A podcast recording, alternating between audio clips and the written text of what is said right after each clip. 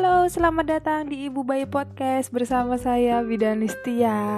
Hai, hai, hai. Hari ini kita akan bahas tentang memilih alat pumping. Jadi sesuai dengan judul ya. Nah, banyak banget nih pasti yang bingung. Gimana sih caranya pilih alat pumping gitu? Nah, uh, bagi ibu-ibu baru atau mungkin ibu-ibu yang nggak tahu nih caranya untuk uh, pilih alat pumping gitu banyak banget sih yang curhat gitu kan satu ibu menyusui itu bisa sampai tiga kali ganti alat pumping. Wow, tiga kali loh. Tiga kali ini dari yang satu manual, kemudian satunya lagi udah elektrik, kemudian pindah lagi gitu kan. Ya, jadi uh, gimana sih caranya untuk pilih alat pumping yang sesuai dengan payudara bunda gitu? Nah, uh, informasi penting bahwa payudara itu variasinya adalah banyak banget. Ada yang kecil, ada yang gede, ada yang bentuknya kayak uh, maaf kayak ada yang bilang bentuknya kayak pepaya gitu. Kemudian ada juga yang kecil gitu. Jadi semua variasi itu menyebabkan uh, penggunaan alat pumping setiap orang itu akan berbeda Kenapa sih kok bisa beda? Ya, karena yang pertama adalah uh, kalau diperhatikan corong dari alat pumping setiap merek dan setiap tipe itu berbeda. Kalau bunda-bunda perhatiin sebenarnya ada perbedaan antara satu merek dengan merek lain. Kemudian selain itu juga tentang hisapannya. Kemudian um, pokoknya kenyamanannya itu tiap pumping adalah berbeda gitu. Jadi gimana dong cara pilihnya? Sedangkan faktanya bahwa alat pumping itu nggak bisa dicoba gitu. Beda dengan baju ya. Beda dengan baju. Kalau baju dicoba gampang gitu.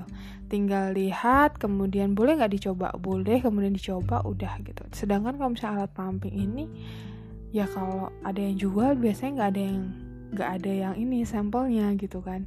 Ya kali kalau misalnya kita mau beli terus tiba-tiba ada sampel bekasnya orang lain gitu jijik juga kali ya.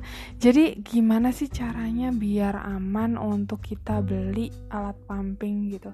Saya selalu bilang ke semua klien saya yang penting adalah satu coba untuk uh, sewa dulu atau pinjam ke saudara okay, kenapa gitu? Pinjam ke saudara atau kerabat atau uh, teman atau sahabat karena dengan kita pinjem mungkin cuma sehari dua hari atau mungkin cuma seminggu gitu itu akan jauh lebih bisa meyakinkan ke kita untuk memilih merek mana dan tipe apa yang cocok untuk payudara kita ya sama halnya kalau misalnya kita beli baju nih sama-sama nih mungkin satu model gitu satu modelnya sama gitu. Tapi cuttingannya sama nih bajunya. Tapi karena shape bodinya beda nih yang satu mungkin bodinya pear shape yang satu mungkin cuma lurus doang gitu kan. Nah ini akan berbeda jatuhnya walaupun bajunya tuh sama gitu nah sama halnya dengan alat pumping itu sendiri gitu. Makanya saya selalu bilang ke semua klien saya yang sel yang tanya tentang cara memilih alat pumping saya selalu menyarankan untuk um, sewa dulu.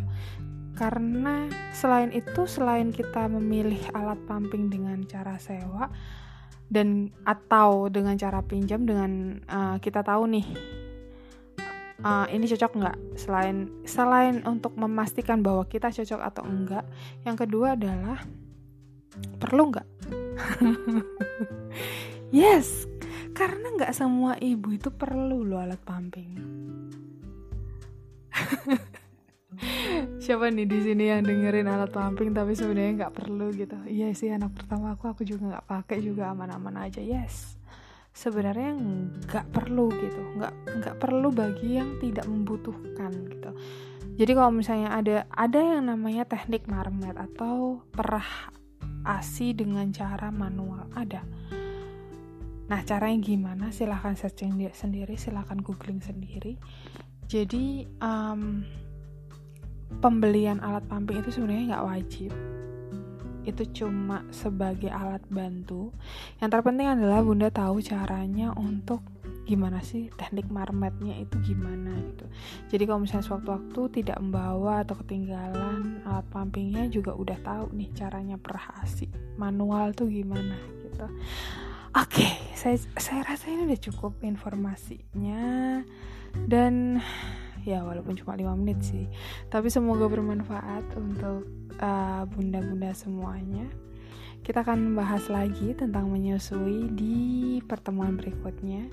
Bagi yang ada pertanyaan silahkan untuk langsung DM langsung ke Instagram saya pribadi boleh di @listia enough L I S T Y A enough gitu. Atau di @ibu bayi podcast.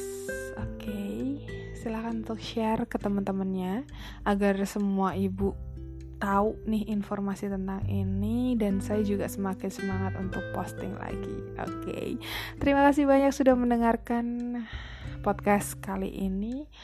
Kasih ide saya juga ya untuk bikin podcast berikutnya. Sampai jumpa, dadah.